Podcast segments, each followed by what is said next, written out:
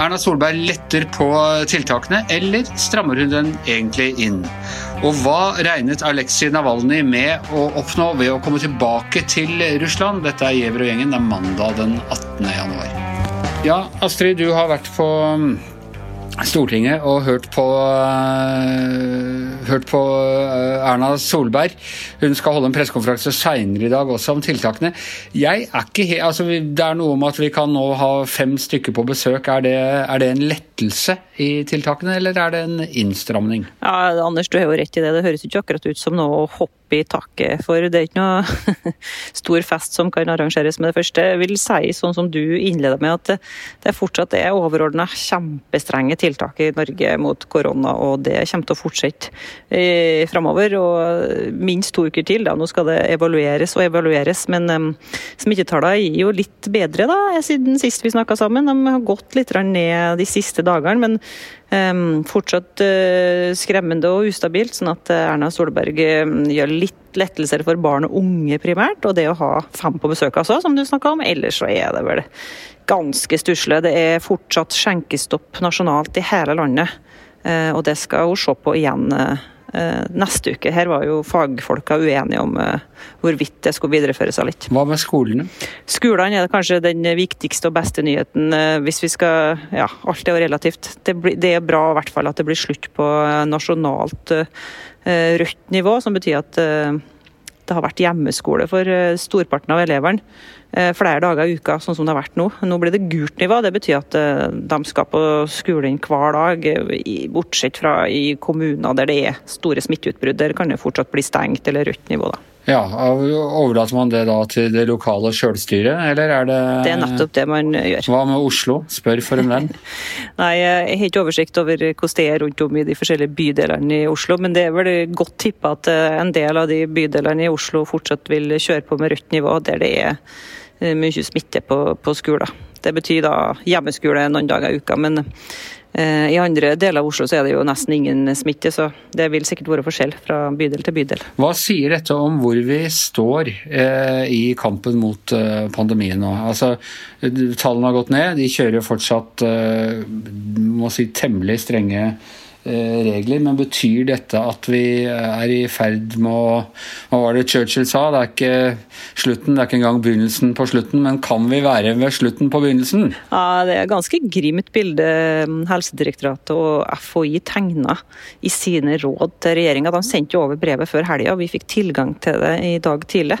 De skriver en situasjon der helsepersonell er utslitt, der det er mangel på helsepersonell, der det er dramatisk dårlig nivå i noen kommuner. må flytte helsepersonell. De må jo drive med både vaksinering, smittesporing, behandling av syke pasienter. Så det er ganske pressa, og så er de livende redd for den mutasjonen som vi har snakka så mye om i det siste. I brevet fra Helsedirektoratet så beskrives Irland som det store, farlige eksempelet. De har det like bra som oss. Lavt smittenivå, og bare på noen få uker så gikk det rett opp. Og eh, Helsedirektoratet skriver til regjeringa at hvis vi hadde fortsatt sånn som vi gjorde etter jul, så ville det straks blitt 1000 smitta per dag.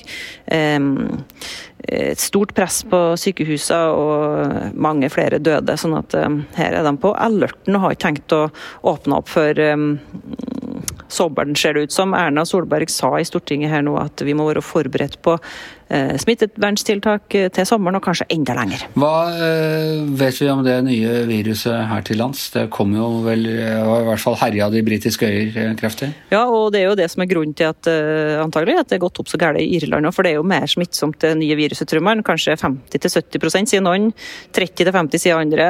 Um, uenighet om det. Men det virker jo som det ikke er vill smitte av det viruset foreløpig i Norge. Vi har hatt en håndfull, 20-30 eksemplar har blitt funnet. Men så kan du jo si at det er mangel på, på overvåking i Norge. Vi har ikke kontroll på um, alle de som er smitta. Vi tester jo ikke alle for om de har den varianten. Uh, men foreløpig ser det bra ut. Men Danmark er jo uh, nærme oss og er mye mer ille ute. Mange hundre sånne eh, mutanter. og Der tror de at eh, den type virus, den mutanten, vil ta over helt i Danmark i løpet av februar. Den er beskrevet som eh, ja, Erna Solberg snakka om det som at hvis vi får den dominerende dominerende her i Norge, så blir det, ja, for å si det enkelt, ganske krise. Og Før jeg lar deg gå, Astrid, hva med vaksinen? Hvordan ligger vi an der? Jeg ser det er mye klaging over at Norge ligger så langt etter mange andre land, også EU-land. Ja, ja, vi er jo litt uh, trege, for vi er så forsiktige. Vi har uh, vaksiner på frys, og vi har uh, ikke turt å brukt opp alle restene i glasset og sånn, så danskene er jo der igjen mye lenger før oss. Men nå skal det sies at Norge har jo ikke så ille situasjon som Danmark, da. Men for hver uke som går med mer vaksinerte, så kan vi jo se for oss en ende på det fortere, da. Så det koster jo milliarder hver uke der, så det haster jo for oss å få vaksinert folk. Og er vi sånn egentlig i rute? Er det, er det sånn at vi med med litt forsiktig start, så, så, tar det litt lengre tid. Vi kommer til å ta igjen mange av de andre landene etter hvert, eller ligger vi rett og slett litt tilbake vi er? Ja, Det er det de sier, da, at vi, vi, vi skal få fart på det. Men Eh, vanskelig å si. Bent Høie driver akkurat og holder en eh, vaksineredegjørelse her nå mens jeg sitter og snakker med det, Anders. Så jeg får gå tilbake og høre på han, så kanskje jeg finner ut mer om det senere. Ok, da må du gå og være investigative journalist, Astrid. Tusen takk skal du ha. Og da skal vi eh, utenriks, for Per Olav Ødegaard I går vendte altså Russlands ledende opposisjonspolitiker og giftoffer Aleksej Navalnyj tilbake til Russland, og han ble umiddelbart uh, arrestert. Jeg må bare spørre sånn rent nysgjerrighetsmessig, hvorfor velger Navalny å vende tilbake til Russland? Var ikke dette temmelig opplagt at det kom til å skje? Jo, han var klar over den faren som lå der, selvsagt, og han var blitt advart mot det samme. Uh, han, uh, han sa selv at Russland er mitt land, Moskva er min by, og jeg har savnet begge. Jeg vil tilbake.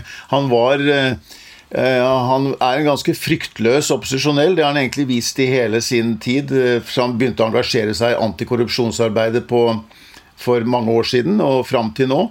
Han ville ikke la seg skremme, og han mente at hans plass var i Russland. Men det gikk jo som mange hadde fryktet. Han ble arrestert, som du sier, på flyplassen. Men får han gjort noe nytte for seg hvis han sitter inne? Eller er det sånn at hvis han hadde forblitt i eksil, så ville han på en måte ha mista sin innflytelse i, i russisk politikk?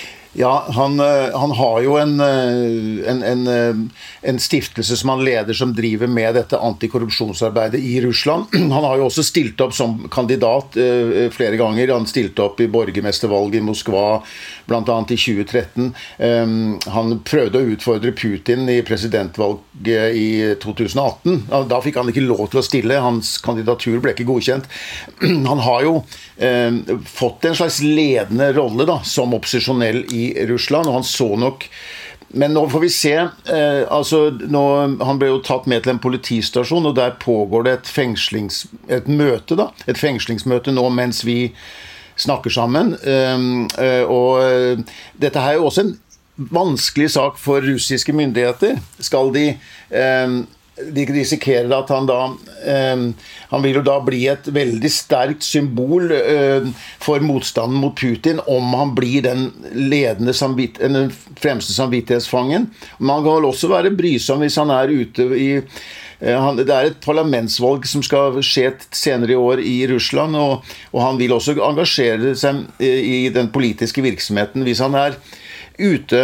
Ehm, men det blir en belastning i forhold til resten av verden å skulle holde han nå innesperret. Du ser jo reaksjonene overalt, som er veldig sterke mot at de nå har satt han inn.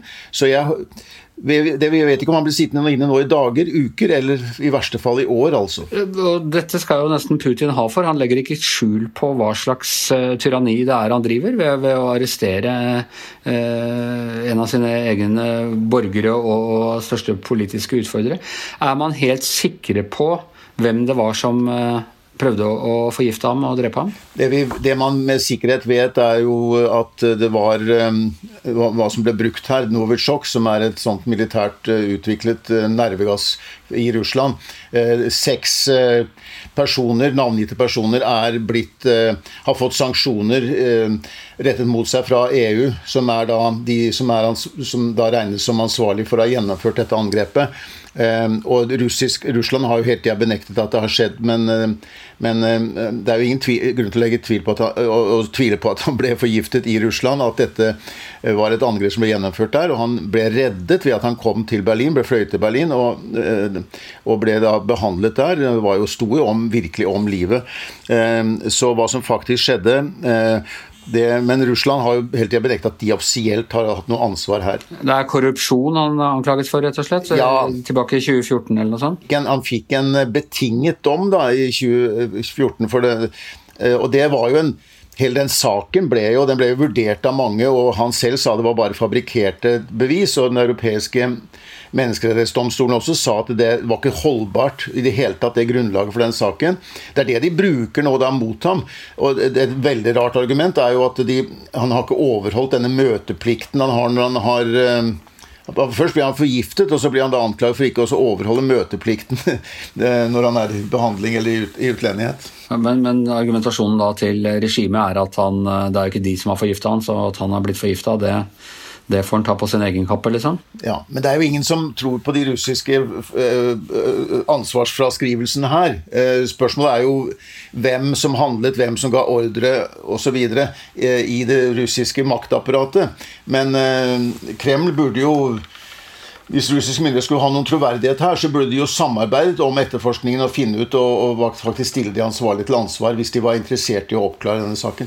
Men eh, dette er jo en ganske tydelig eh, maktdemonstrasjon eh, fra Putin også. Han gir helt fullstendig blaffen eh, i eh, hva andre land måtte mene. Han driver, han driver denne geskjeften som om han Altså Russland som, som om det var et privat sånn mafiaforetak. Og den som svikter, de som tyster eller utfordrer han, eller noe sånt, de forgiftes og de arresteres. Og de, det, er ikke, det er ikke noe forskjell på dette og et hvilket som helst diktatur. Det er innenfor definisjonen av diktatur, dette her? Så har det vært en stadig sterkere innstramming i løpet av de der 21 årene som Putin har sittet ved makten.